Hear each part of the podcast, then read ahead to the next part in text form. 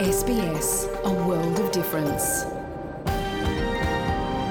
You're with SBS Dutch on mobile, online and on radio.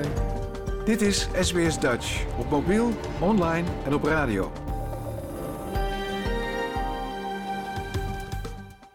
Graag erkennen wij de traditionele eigenaren en verzorgers van het land van waar we vandaag SBS Dutch uitzenden en uiten we ons respect aan de Camaragal mensen van de Kurungay Nation en hun ouderlingen uit het heden en het verleden.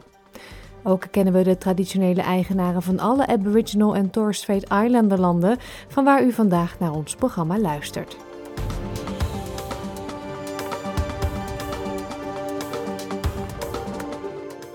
Goedemorgen, mijn naam is Pauline Roesink. Het is zaterdag 2 september 2023 en dit is SBS Dutch, het Nederlandstalige radioprogramma van SBS. De winter is achter de rug en de lente is officieel begonnen en dat zult u merken aan de liedjes die we het komende uur gaan draaien. Verder vandaag een leuk gesprek over luchtballonnen. De Nederlandse Iris Broeders van Ham is momenteel in Northam in West-Australië, waar ze de komende dagen mee gaat doen aan het WK ballonvaren voor vrouwen. Met sportjournalist Jaap de Groot praat ik over het nare staatje van het WK vrouwenvoetbal. De finale werd gewonnen door Spanje, maar door een actie van de voorzitter van de Spaanse voetbalbond is er nu heel veel gedoe. Uiteraard komt het willekeurige weekoverzicht voorbij en is er een nieuwe aflevering van onze taalserie Leer Nederlands. En als het een beetje mee zit, hebben we ook nog tijd voor een stukje cabaret. Dat en de lenteliedjes allemaal straks, maar we beginnen met de vergrijzing van Australië. Dit is SBS Radio Dutch. De komende 40 jaar zal het aantal Australiërs van 65 jaar en ouder meer dan verdubbelen. Dat is de voorspelling uit het intergenerationeel rapport van de regering. Dit betekent dat een aanzienlijk deel van de Australiërs de komende jaren de arbeidsmarkt zal verlaten. Economen en bedrijfsorganisaties, zoals de Business Council of Australia, dringen er daarom bij de regering op aan om naar migratie te kijken als oplossing voor het vervullen van de vele vacatures die door pensioneringen zullen ontstaan. Universitair hoofddocent Mark Humphrey Jenner van de Universiteit van New South Wales zegt dat zonder migratie de krimpende beroepsbevolking grote druk gaat leggen op jongeren. So in essence, we're looking at a confluence of declining revenue, uh, at least from that proportion of the population, and increasing expenditure, which puts more of a burden onto the personal income taxes of perhaps the younger generation, uh, which is a major problem that we're seeing in the uh, intergenerational report. Uh, and migration is one way to help to mitigate that, uh, particularly if you could help to increase the overall tax base uh, by perhaps bringing in younger migrants who can perhaps help to lessen some of that burden.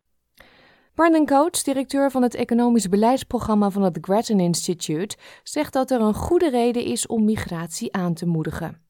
So most migrants arrive in Australia when they're relatively young, as international students, um, as skilled workers, or as the spouses of, of Australians. And so they tend to be young. Now, obviously, they age, but they spend 30, 40 years in the workforce and smooth out, um, as a result, smooth out that aging of the Australian population and really slow it down. Andere groepen vragen om voorzichtigheid. Yamaha Aga is de algemeen directeur voor ondersteuning voor nieuwkomers bij Settlement Services International. Ze zegt dat veel migranten en vluchtelingen, zodra ze in Australië aankomen, te maken krijgen met barrières zoals onvoldoende taalondersteuning. Yamama zegt dat het Australische migratiesysteem verbeterd moet worden om nieuwkomers beter te kunnen ondersteunen, zodat het land ten volle kan profiteren van wat ze te bieden hebben. the the workforce um, of migrants settling in Australia is uh, they have a lot to offer, but they uh, kind of overlooked in in the current system because of the overseas qualification um, system. Visa zijn volgens professor Humphrey Jenner ook een groot probleem. There's absolutely barriers in terms of visas. Uh, so many migrants want to enter the workforce in Australia. Uh, we've got many graduates going through universities that really do want to stay within Australia. They've been qualified by Australian universities, built up skills over here, oftentimes built up a network of uh, friends or family over here, and they would very much like to remain within Australia. Uh, however, the visa system makes it quite difficult. Uh, so the skilled visas are notoriously challenging to get, and if we don't loosen up some of those systems, it will make it difficult to attract people. Professor Humphrey Jenner zegt dat Australië zonder grote veranderingen het risico loopt talent te verliezen aan andere westerse landen, zoals Canada, Engeland en de VS. De Business Council of Australia deelt die zorg. Een ander groot probleem zijn de kosten van levensonderhoud en de betaalbaarheid van woningen in Australië. Velen vrezen dat een grote toestroom van migranten als excuus zal worden gebruikt voor de stijgende prijzen. De meeste experts wijzen met de vinger naar planningswetten en aanbod. Het National Cabinet heeft onlangs een grootschalig beleid aangekondigd om het woningtekort aan te pakken. Staten en territoria krijgen tot 3 miljard dollar als ze de nieuwe doelstelling bereiken om in de komende vijf jaar 1,2 miljoen nieuwe woningen te bouwen. Brendan Coates noemt dit een goed begin. So that's the kind example of the kinds of things that we need to do to make sure that the states in particular are able to deliver, you know, the housing that's needed to house a growing population. You know, we should also be looking closely at infrastructure to make sure that we're building the right kinds of infrastructure in the right places to manage that population growth. But ultimately, it's a case of planning for that population growth as best we can to make sure that we retain popular support for the migration program, particularly skilled migration, because it does provide very large benefits to the Australian community. Professor Humphrey Jenner zegt dat het communiceren van de voordelen van migratie ook van cruciaal belang zal zijn. It's challenging, it appears, for politicians to encourage more migration without fearing an electoral backlash. And politicians should perhaps manage their messaging in advance by helping to communicate to the Australian population that it helps everyone to encourage more migration. And that's not just more skilled migration per se, but also more migration that would enable perhaps family reunions, which helps to make Australia a more attractive destination to migrants. And there are clear benefits to Australians from that. Clear benefits in terms of increased productivity, in terms of increased innovation, in terms of increased diversity, which helps to improve overall productivity and national growth. Door een verhaal van Ruth McHugh Dillon voor SBS Nieuws, dat door SBS Dutch werd vertaald in het Nederlands. Aankomende week vindt in het West-Australische Northam het wereldkampioenschap ballonvaren voor vrouwen plaats. Iris Broeders van Ham is een van de twee Nederlandse deelnemsters die aan het toernooi meedoen. Gisteren belde ik haar en vroeg er het hemd van het lijf over haar bijzondere hobby. Jouw gemeenschap, jouw gesprek, SBS Dutch. Iris, reis jij eh, veel de wereld over om ballonvaarten te maken? Um, ja, ik ben met regelmaat wel inderdaad uh, naar verschillende landen geweest. Brazilië, Australië, uh, Dubai zijn we naartoe geweest. Dus ja, heel veel landen. Maar ook in, uh, in Europa, Slovenië, Duitsland. Ja, noem maar op eigenlijk. En dit is waar jij van leeft? Dit is jouw werk? Nee, dit is hobby. en hobby's mogen geld kosten, hè, zeggen ze. Nou, dat blijkt. ja. Het is ook een hele bijzondere hobby. Ja, absoluut. Ja. Hoe ben jij hier zo ingerold? Ik uh, ja, begon eigenlijk bij het helpen met de ballonvaart. Dus helpen met de ballon inpakken, opzetten en, dat soort dingen bij uh, bedrijven Atballon in Breda. Vanuit daar heb ik mijn man ook leren kennen. En die deed al heel lang in wedstrijdvaren. En die is ook twintigvoudig Nederlands kampioen. En zo ben ik eigenlijk ook in het ballonvaren terechtgekomen en ben ik de theorie gaan leren en de praktijk. En ik heb nu één wedstrijd in Frankrijk gedaan. En daar was ik tweede vrouwelijke deelnemer. En nu, dit is mijn tweede wedstrijd, mijn tweede echte wedstrijd die ik nu maak. Ja, en deze wedstrijd is specifiek voor vrouwen. Dit is specifiek voor vrouwen inderdaad. Ja, vrouwen-WK voor ballonvaart. Ja. ja, dus kan ik daaruit concluderen dat daar normaal gesproken mannen en vrouwen gewoon uh, samen aan de wedstrijd meedoen? Ja, je hebt een, uh, een, een, een, wedstrijd inderdaad uh, het ene jaar in Europa, het andere jaar wereldkampioenschappen. En daar mogen dan wel mannen en vrouwen aan meedoen. Als je, maar dan moet je je eigen wel kwalificeren. En dat doe je dan weer in je eigen land. Door verschillende wedstrijden te varen. En je hebt ook nog een juniorenkampioenschap. En dat is uh, jeugd tot met 27 jaar. Ja. En daarnaast heb je dan de vrouwen-WK. En dat is nu hier in uh, Noordhem. Ja, je hebt vanochtend vroeg een uh, testvaart gemaakt. hoe is het landschap? glooiend. ja, lichte heuveltjes. mooi wat mist aan de grond. Uh, ja, wat, wat, wat watertjes, veel, her en der wat bossen en wat, wat landen. En het moment dat we wilden gaan landen, hadden we 90 graden draaiing. Dus dat we 90 graden de andere kant op gingen. En hoe komt dus dat? er zit uh, redelijk wat sturing in. Ja, dat komt ook door de opwarming van de aarde. Dus het moment dat de zon opkomt, dan gaat ook die windrichting veranderen. Ja, want uh, ik dacht altijd, die ballonvaarten zijn uh, aan het begin van de dag en aan het einde van de dag, omdat je dan uh, mooie zonsopkomsten of ondergangen hebt. Maar het heeft dus ook te maken met dat een ballon, als het heel gloeiend heet is, niet kan varen. Ja, het moment dat de zon opkomt, dan warmt hij de aarde op en dan krijg je de thermiek. En met thermiek kunnen wij niet varen, want wij, als we in zo'n thermiekbel terechtkomen, dan ga je ongecontroleerd omhoog of ongecontroleerd omlaag. Thermiek, en dat is? Ja. Uh, ja, de opwarming van de aarde. Dus de luchtbellen, zeg maar, uh, waar een zweefvliegtuig wel op kan vliegen, maar wij dus niet. Nee, nee. Dus dan moet je altijd vroeg je bed uit. ja, vroeg mijn bed uit en laat, uh, later weer in. ja. Is het nou heel anders om in West-Australië te varen dan bijvoorbeeld in Nederland? Ja, je hebt hier wel weer andere winden. In Nederland is alles vlak en staat er vrijwel altijd wind. En um, ja, die gaat vrijwel gewoon die, uh, een, een, kant op. En daar zit niet veel uh, veranderingen in. En hier heb je toch wel die heuveltjes die die veranderingen brengen. Hmm. En aan het toernooi, hoeveel mensen gaan er meedoen? Hoeveel ballonnen gaan er de lucht in? Want ik neem aan dat het ook een spectaculair gezicht is voor mensen die op de grond staan. Dat je kan komen kijken. Zeker weten. Ja, we hebben 31 deelnemers. Ja. Twee uit Nederland, hè? Jij en iemand ja, anders. twee uit Nederland en Sanne Haarhuis. Ja. ja. En, en hoe gaat zo'n WK dan in zijn werk? Want uh, je gaat omhoog. Moet je opdrachten doen? Moet je, van de, moet je zo snel mogelijk van A naar B? Hoe zit dat? Nou, we hebben morgens vroeg hebben we een briefing en daar krijgen we uh, een, een, een formulier met wat opdrachten erop. En de persoon die dat heeft, uh, ja, of dat, dat heeft uitgegeven, zeg maar, die heeft eerst naar de windrichtingen gekeken en, en de snelheden en dat soort dingen. Daar aan de hand daarvan heeft hij doelen gezet. En die opdrachten krijgen wij dan. En dan kunnen we of naar een uh, gezamenlijke locatie gaan waar we met z'n allen opstijgen. Of het kan zijn dat je een eigen locatie moet zoeken waar je zelf opstijgt.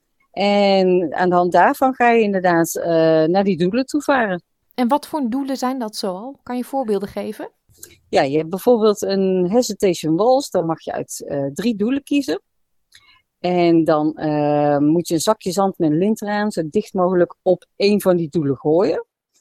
En uh, mocht je daar niet in de buurt, buurt, komen, dan kun je altijd nog een uh, loggermarker erop maken. Dus zie ik dat dan voor me, er, ligt een, een, rondje met een kruis op de grond, daar moet jij op af, daar moet jij heen en dat zakje zand dan loslaten. Ja, Uh, er ligt inderdaad dan vaak een kruis in een, in een weiland. En daar moet je dan inderdaad naartoe varen. En eigenlijk het zakje zand precies op het kruis gooien. Want dan heb je de meeste punten. Dan kun je duizend punten verdienen. En ja, liggen er heel veel zakjes. Ja, dan heb je, kan je wat minder punten krijgen. Ligt er maar heel weinig zakjes. En de andere, andere twee kruisen bijvoorbeeld ook weinig tot geen zakjes. Ja, dan kun je heel veel punten krijgen. Ja, en uh, is zo'n uh, WK meerdere dagen? Want, uh... Ja, het is van maandagochtend tot en met vrijdagavond. En we varen elke dag twee keer, dus een ochtend- en een avondvaart. Dus je hebt eigenlijk tien opdrachten te vervullen? Ja, tien vaarten. En qua opdrachten, ja, kan het... In de ochtend is het vaak een wat langere vaart. Dus dan kan het zijn dat je vier of vijf opdrachten hebt. En in de avond is het vaak wat kortere vaart, omdat je dan wat meer sneller richting einde van de daglichtperiode zit. En dan heb je vaak ja, twee, hooguit drie opdrachten. Mm-hmm. En meten ze dan je prestaties alleen op die zakjes zand af, of zit er ook een official bij jou in de mand? Nee, er zit geen official bij mij in de mand. Nee, ze meten het echt inderdaad op de zakjes zand af of jouw logger uh, scoren. Mm-hmm. En je vertelde gisteren al, toen we elkaar even kort spraken, uh, alle bemanning is vrouw. Ja. Er mag echt geen man mee. Nee, in, in deze wedstrijd mag geen man mee. Nee. Nee. Zijn ze heel streng. Ja. Dus jouw man, die staat daar als kampioen uh, op de grond en die volgt jou uh, op de voet. Ja, die gaat uh, aan de grond mij volgen inderdaad. En die probeert met, we proberen met een speciaal programmaatje inderdaad te kijken of hij mij daarmee kan helpen. Ja, want je mag ook niet met hem communiceren, lijkt mij. Ja, communiceren mag wel hoor, dat is helemaal geen probleem. Oh, wat geestig. Dat mag wel. Dus je mag wel mannelijke input, maar mag niet bij je in de mand staan. Nee, hij mag niet in de mand staan, maar wel mannelijke input. Ja. ja. Hoe schat je je kansen in? Uh, nou, mijn man die denkt dat ik gewoon al heel hoog eindig. Maar ik zelf heb precies, ja, er zitten zoveel groeien nog tussen. Uh, ik, ik hoop de middenmoot. ja, dus uh, zo rond plaats 15? 15, ja, hopelijk, ja. Ja, ik vind het wel heel lief dat hij zoveel vertrouwen in je heeft. ja. Een vraag die anderen misschien ook hebben is: uh, vaar jij nu met je eigen ballon? Heb je dat meegenomen in je handbagage? Of heb jij nou een ballon van de organisatie bijvoorbeeld? Ja, ik heb een ballon inderdaad, die leen ik van de organisatie, uh, van Sean Kavanagh, en dat is van Kavanagh Balloons. Dit is weer de ballon van zijn broer. En het, het grappige is wel dat mijn man heeft hier vroeger ook meegevaren met deze ballon. Maar toen was het nog een roze ballon en nu is het een blauw-gele ballon. Want ze hebben hem uh, opnieuw herbouwd. Maar uh, in, in zijn tijd, zeg maar, dat hij wedstrijd had in Mildura, heeft hij ook met deze ballon gevaren. Wat geestig. Ja, Wat leuk. daar kwamen we even achter. Ja, zit er nou heel veel verschil dan in, in ballonnen? En moet jij dingen aanpassen omdat het nu een andere ballon is? Nee, dat valt op zich mee. Uh, ik moet wel eventjes, uh, de brander was even iets anders dan wij gewend zijn. Uh, daarnaast is het een, een, normale ballon, noemen wij dit. Een normale 77 ballon. En uh, je hebt ook ballonnen die echt wedstrijdballonnen zijn. Die zijn veel meer druppelvorm. En de mijne is wat meer normaal rond. Dus hij heeft wat minder reactievermogen. En een wedstrijdballon die kun je heel snel dalen of heel snel laten stijgen. En deze heeft dat Mm. ietsjes minder. Maar dat heeft dan iedereen. Uh, nee, er zijn ook mensen bij die een wedstrijdballon hebben. Dus die hebben net... Oh, maar dat is dan toch niet eerlijk? Nee, kan iets van voordeel zitten, maar dat hoeft niet altijd. Oh. Nou, mensen die willen komen kijken, het wordt vast een hele kleurrijke bedoeling met allerlei ballonnen in de lucht. Ik vind het Ja. geluid altijd zo prachtig als een ballon overtrekt. Ga dat zien. Zeker. Iris doet mee. Ja, zeker. Absoluut. Northam, In Noordhem, ja, absoluut. Ik wens je heel veel succes. Dankjewel. We gaan ons best doen. Ja, laat me weten hoe je, hoe je eindigt. Ga ik doen. Beetje druk, top 5 alsjeblieft. Ja. Laten we het hopen, maar ja, ik, eh, we gaan gewoon lekker ons best doen en ervaring opdoen. En eh, dat, dat is het belangrijkste. Het WK ballonvaren voor vrouwen is volgende week van maandag tot en met vrijdag in Northam, WA. Meer informatie over Iris en het evenement vindt u op onze website www.sps.com.au/dutch.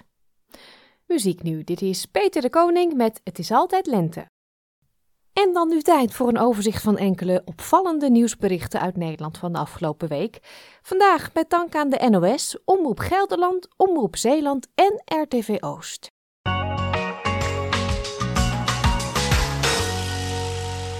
In de gemeente Apeldoorn zijn vorig weekend duizenden kerstbomen vernield. De schade loopt volgens kweker Gerrit Brinkman op tot honderdduizenden euro's. Ondanks steun vanuit de buurt, mensen die wel zeggen een kerstboom te willen kopen zonder top, wil hij dat de onderste steen boven komt. Zo vertelde hij aan Omroep Gelderland. Als ik dit zie, springen je tranen in de ogen. Dit is eh, diep triest. Gewoon eh, afgeknipt met een eh, grote takkenschaat. Hier zijn ze met een, een chemisch middel overheen geweest met vergif. Die beginnen nu ook al langzaam te verkleuren. Kijk, en ik krijg heel veel reacties van... ja, ik wil wel zo'n boompje zonder kop kopen van je en dat komt wel goed. Ja, eh, maar ons belangrijkste doel is eerst gewoon... wie doet zoiets? Dit is een levenswerk van ons en eh, ja, dat, dat, dat doe je niet. Camera's zijn er al neergehangen. We gaan de onderste steen boven halen. Want ja, zo zaag je mij niet onderaan de enkels af. De KNMI, het Koninklijk Nederlands Meteorologisch Instituut, werkt aan een nieuw digitaal systeem waardoor ze nauwkeuriger weerswaarschuwingen kunnen afgeven. U hoort Rob Sluiter van de KNMI. Deze techniek die stelt ons in staat om per bui aan te geven of er een gevaarlijk weer in zo'n bui zit. Dus uiteindelijk kun je per gemeente zelfs gaan zeggen of er een gevaarlijke bui over je heen komt. In de ene wijk wel en de andere wijk niet. Zo nauwkeurig zou het eventueel kunnen. Hele simpele dingen kunnen soms al helpen om zeg maar, de schade die zo'n bui veroorzaakt zoveel mogelijk te verminderen. Zet je auto onder een boom, doe je ramen dicht, haal je tuinmeubilair binnen. Dat soort eenvoudige zaken kunnen al de, de gevolgen van bijvoorbeeld een gevaarlijke bui verminderen. Het Openbaar Ministerie heeft 12 jaar gevangenisstraf geëist tegen de Pakistaanse oud-cricketspeler Khalid El. Hij deed in augustus 2018 in een video een oproep om Geert Wilders te vermoorden. De politicus, die al 19 jaar lang in safe houses woont en niet meer zonder beveiliging kan rondlopen, is blij met de strafeis. is wel belangrijk. om aan te geven dat zo'n ja, toch zo'n oproep tot moord en een prijs op iemand zijn hoofd zetten, dat dat niet wordt getolereerd. Het kan niet zo zijn dat je iemand in een ander land, of het nou een parlementariër is of iemand anders, dat je die zomaar kan Ehm, ehm, ja, bedreigen met de dood, een fatwa kan uitspreken of in dit geval prijs op zijn hoofd. Als je dat niet doet, als je niet vervolgt, ja, dan weet iedereen in Pakistan of in andere landen van de wereld, zelfs in Nederland, die weten van, nou ja, we komen ermee weg. Uh, niet alleen ik en anderen zijn dan vogelvrij, maar ook de daders zijn straffeloos. Dus je geeft het signaal aan een ander van doe het maar, want je komt ermee weg. En hiermee geef je het signaal, je komt er niet mee weg. Het Maritiem Museum Rotterdam heeft een bijna 100-jarige stadsgraanzuiger aangekocht en laten restaureren. De zuiger werd tot in de jaren 80 gebruikt om schepen vol graan te lossen. Het schip wordt bediend door vrijwilligers, waaronder Pim Jansen. Niet alleen wij als vrijwilligers en bemanning vinden dit mooi, maar wij merken ook bij allerlei evenementen dat een groot deel van het publiek dit ook fantastisch vindt. En het is heel mooi dat we met deze restauratie in staat zijn geweest om dit unieke, wereldwijd unieke object te behouden voor de komende 25 jaar. Want er zijn er niet zoveel meer. Hè? Er is er één en daar staan we op op dit moment. En dit was al een revolutie in de tijd dat hij in, in bedrijf kwam. Ja, klopt. Zo rond de eeuwwisseling, zo rond 1900 kwamen de eerste. Uh, daarvoor waren het zakkendragers uh, die uh, de lading van boord haalden. En ja, er waren natuurlijk heel veel mensen. Je had wel meer dan 120 man nodig om zo'n zeeschip met graan toen te lossen. In de jaren 80 op een gegeven moment kwamen er andere manieren van overslag. maar uiteindelijk is dit de enige die over is, deze Antwerpse stadsgraanzuiger. Aldus Karen Meirik, projectleider van het Maritiem Museum Rotterdam. We blijven nog even op het water, want er is heel goed nieuws over de haai en de rog. Sinds 2009 komen ze in grotere aantallen voor in de Zeeuwse Oosterschelde. Omroep Zeeland sprak met Niels Brevé van Sportvisserij Nederland en visserijtechniekonderzoeker Pieke Molenaar. 95% is gewoon vrouwtje. En uh, die zijn groot, die zijn volwassen. Die gaan naar de 1,20, 1,30 zelfs. En voor deze soort is dat echt heel groot. En we komen ook kleintjes tegen, pups, pasgeboren jongen. Uh, dus we denken dat die grote vrouwtjes de geld opgaan om uh, jongen ter wereld te brengen. Het is dus echt een kraamkamer en daarmee herstelt de populatie zich ook. Um, maar dat is niet alleen voor de kraamkamer hier, het is voor de hele Noordzee. Want die hier rondzwemmen, zwemmen de rest van het jaar ook op de hele Noordzee, soms zelfs tot aan Spanje en Schotland. Waarom exact? Dat is iets wat je met onderzoek graag uit wil, uh, uit wil zoeken, maar we weten het niet precies. Maar het lijkt erop mooi ondiep water, warm, rustig en daar is ideale omstandigheden voor de kleine haatjes om op te groeien. In principe kan je zeggen dat haai en roggen toppredatoren zijn. En dit is het laatste, laatste steentje in het ecosysteem. Dus als het daar goed mee gaat, gaat het over het algemeen met het ecosysteem ook wel redelijk. Leiden heeft gisteren afscheid genomen van burgemeester Henry Lenverink. De 66-jarige Overijsselnaar was 20 jaar lang de burgervader van de sleutelstad. RTV Oost ging bij hem langs en peilde op straat wat men van zijn vertrek vindt. Al een beetje weemoedig aan het worden? Uh, het valt mee, want ik heb natuurlijk zelf de keuze gemaakt om te stoppen. Maar 20 jaar, uh, dat uh, laat je wel helemaal vergroeien met die stad. Datgene wat mij misschien wel het meest geholpen heeft, is dat mensen uit het oosten van het land, die zijn iets indirecter in wat ze zeggen. Terwijl men hier in het westen echt super direct is. Vindt het jammer dat hij weggaat? Ja, natuurlijk. Als een populaire burgemeester weggaat die het goed gedaan heeft, dan is dat altijd jammer. En als gezicht van Leiden is, was hij ook uh, nou ja, zichtbaar. Ik kan alleen maar zeggen dat hij het goed gedaan heeft. Het afgelopen half jaar heeft Lego flinke winst gemaakt. De goede resultaten komen volgens de speelgoedfabrikant deels door volwassenen die de bouwpakketten kopen. De 52-jarige Alex van den Mosselaar is zo'n verzamelaar. Hij vindt het wel jammer dat de bouwsteentjes steeds duurder worden. Je moet zeker met, met de economie nu goed nadenken, keuzes maken. Alles wordt duurder, maar dit wil ik er zeker wel bij houden. Voor mij is het gemiddeld genomen per, per, per maand, het zal zijn 100 euro aan onderdelen en dan is het ook echt klaar. Uh, vroeger was, ja, uh, kocht je een Lego doosje, kreeg je voor je verjaardag een Lego doosje. Tegenwoordig is dat wel even een omslag. Want ja, het is wel best wel dure cadeaus geworden. Maar het is wel uh, voor steeds minder mensen, denk ik, bereikbaar. Ik vind dit moet voor iedereen bereikbaar zijn. Iedereen moet met Lego wat kunnen bouwen. En iedereen moet daar ook gewoon ja, zijn ei in kwijt kunnen. En dan moet dat niet alleen voor de rijken zijn, want dat zou heel jammer zijn.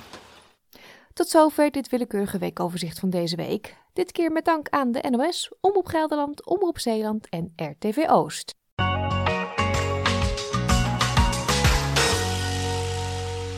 Bijna twee weken geleden won Spanje de finale van het WK vrouwenvoetbal. Helaas wordt deze geweldige prestatie overschaduwd door een rel met in de hoofdrol Luis Rubiales, de voorzitter van de Spaanse voetbalbond. Hij kuste speelster Jenny Hermoso tijdens de huldiging vol op de mond en dat vinden natuurlijk veel mensen ongepast. Zelf zegt hij dat hij dat met toestemming deed en daarom weigert hij op te stappen. Eerder deze week belde ik met sportjournalist Jaap de Groot. Hij verwacht dat de kous nog lang niet af is. SBS Dutch, woensdag en zaterdag om 11 uur ochtends of online op elk gewenst tijdstip. We hebben toch wel genoten van een prachtige WK vrouwenvoetbal hier in Australië en Nieuw-Zeeland. Maar het eh, einde is een beetje lelijk aan het worden. Hè? Heel erg lelijk met Spanje. Hoe kijk jij daar tegenaan, Jaap? Nou, allereerst uh, alle complimenten van Australië voor inderdaad, in mijn ogen, het beste WK wat ooit, uh, ooit georganiseerd is. Misschien komt het in de buurt van het WK 1999, wat de doorbraak van het vrouwenvoetbal in de Verenigde Staten betekende. Met een geweldige finale in de Rose tussen Amerika en China. Maar uh, ik denk dat het WK in Australië en Nieuw-Zeeland. En vooral het deel wat zich in Australië heeft afgespeeld. Ja, ongevenaard is. En uh, ja, het kreeg uiteindelijk ook een prachtige finale. Het kreeg ook een geweldige presterende Matilda's. Hè. Het is toch halve finale gehaald, uniek. Maar ja, dan, dan komt er zo'n Bobo om de hoek zeilen. Die denkt dat hij zich alles, alles kan permitteren. En uh, ja, die flikt wat die flikt. En ja, ik moet zeggen, ik, ik zag die beelden al op de tribune van hem. Terwijl hij daar bij de koninklijke familie stond. Ja, ik denk, wat is dit voor een ongelofelijke patser? Weet je, hij weet je gewoon niet te gedragen. En hetzelfde was gewoon op het podium. Hij wist je gewoon niet te gedragen.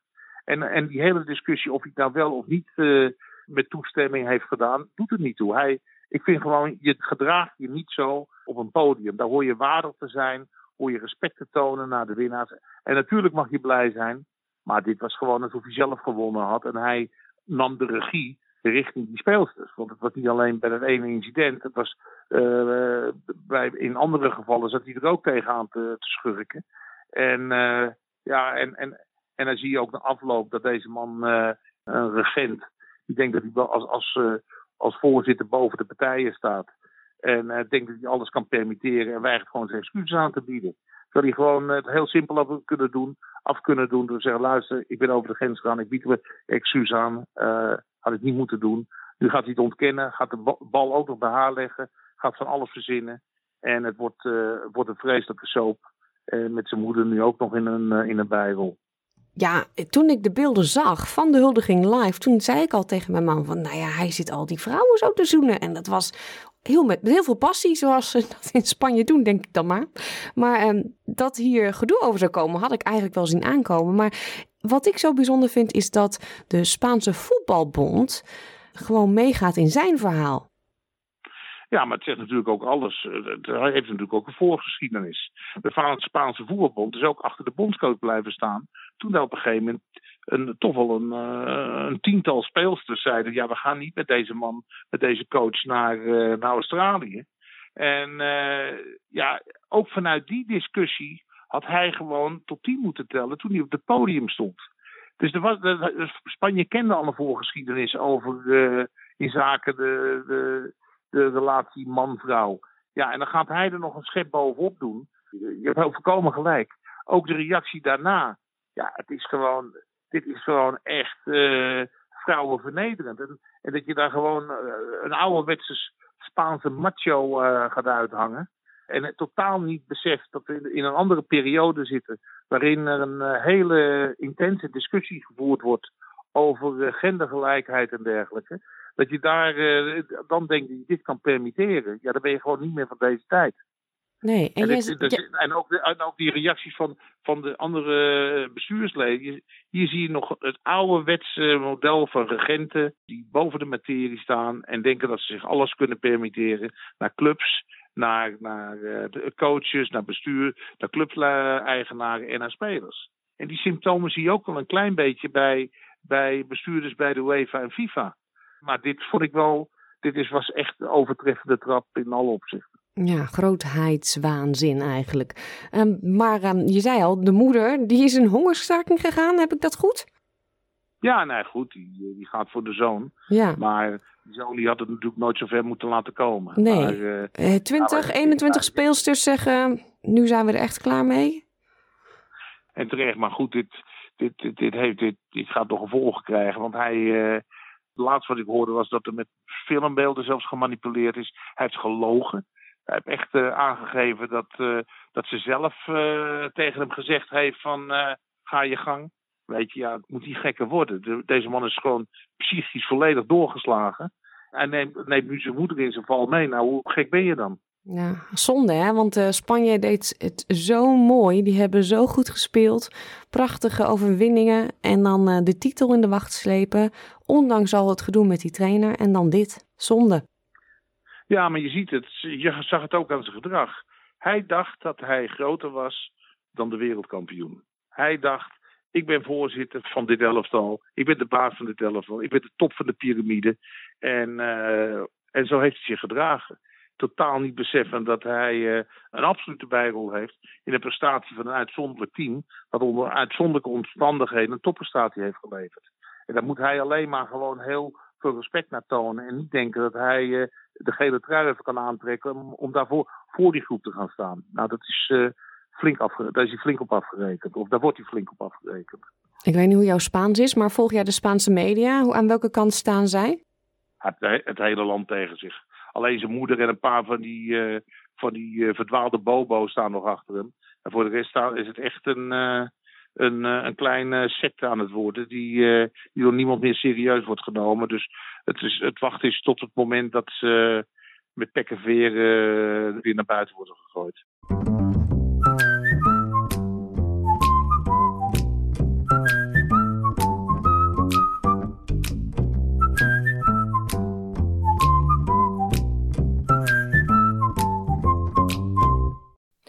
U hoorde eerder al in het weekoverzicht dat de langst zittende burgemeester van Nederland de ambtsketting van Leiden aan de wilgen gehangen heeft. Henry Lenverink komt van oorsprong uit Delden, dat ligt dus in Twente. Toontje Lager maakte in begin jaren 80 een liedje over de lente daar. Dit is Lente in Twente. Hoogste tijd nu voor een nieuwe miniles Nederlands van Joyce Diebels uit Melbourne. Iedere week geeft Joyce in het Engels uitleg over Nederlandse woorden en grammatica. In deze aflevering bespreekt ze verschillende sporten en legt ze uit hoe je in het Nederlands zegt dat je een sport leuk vindt.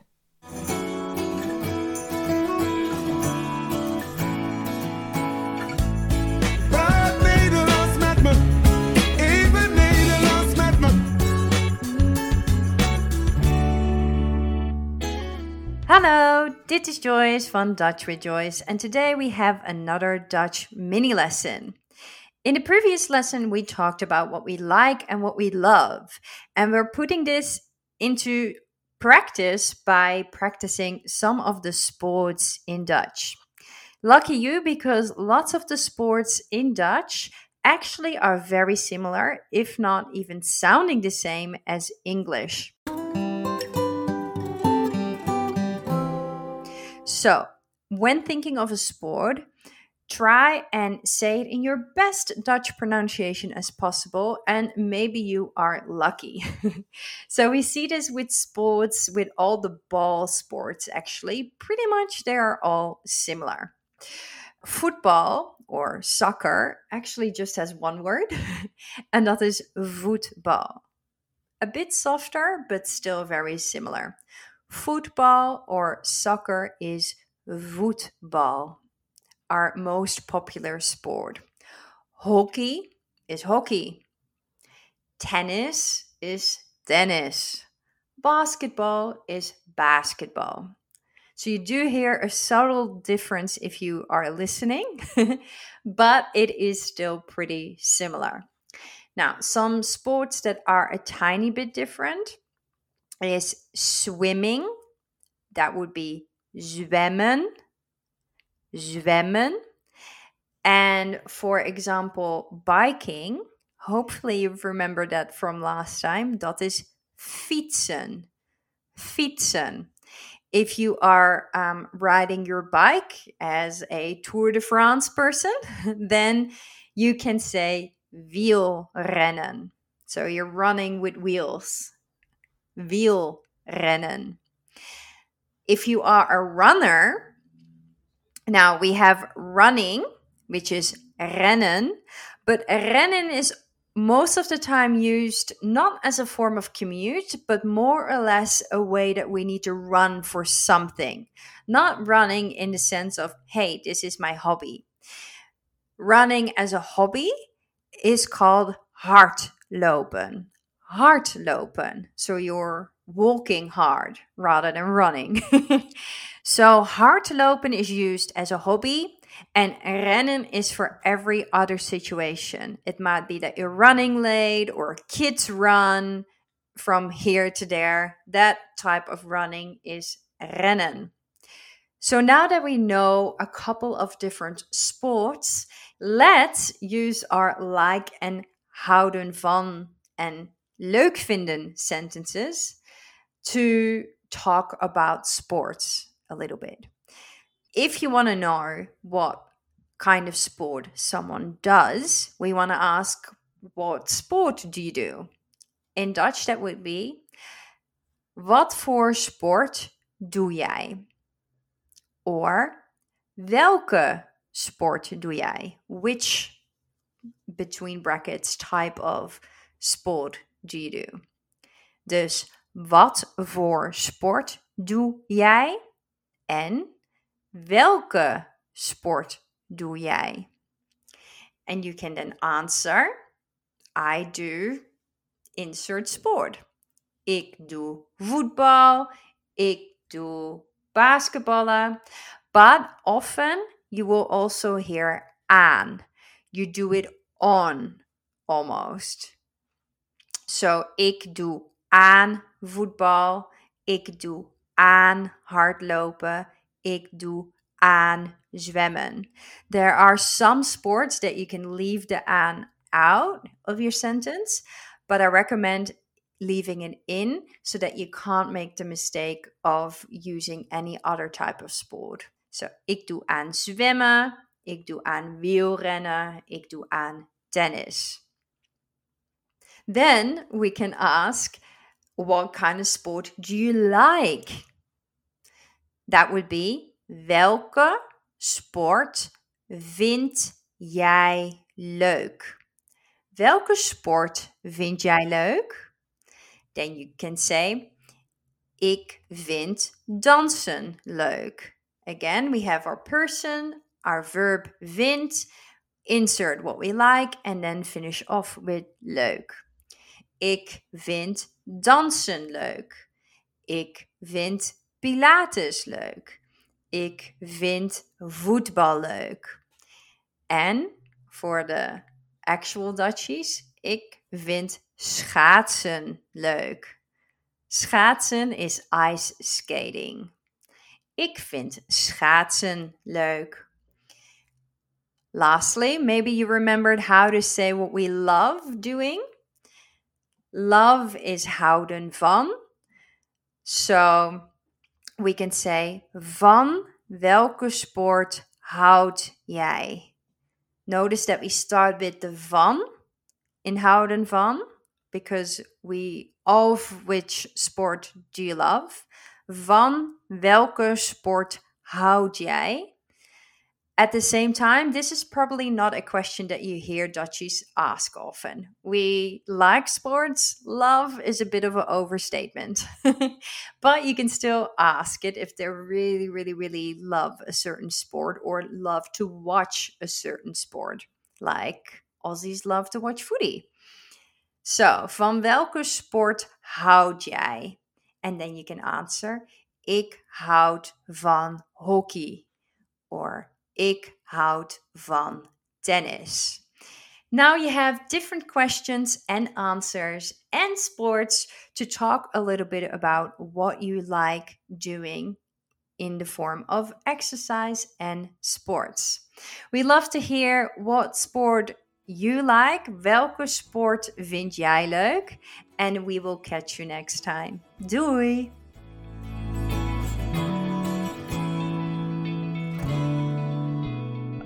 Alle voorbeeldwoorden en zinnen die u zojuist gehoord heeft staan op onze website www.sbs.com.au/dutch.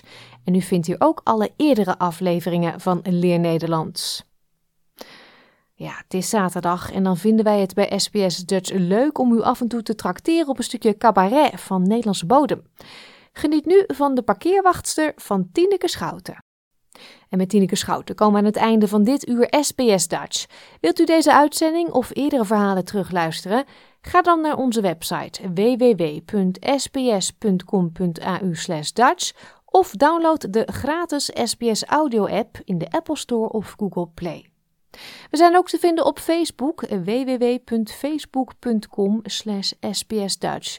Als u ons daar liked, dan blijft u ook altijd op de hoogte van onze verhalen. Vandaag eindigen we met een liedje natuurlijk over de lente. Lentekriebels van Jan Lelyveld. Woensdag om 11 uur, dan zijn we er weer. Hopelijk u ook. Heel fijn weekend. Like, deel, geef je reactie. Volg SBS Dutch op Facebook.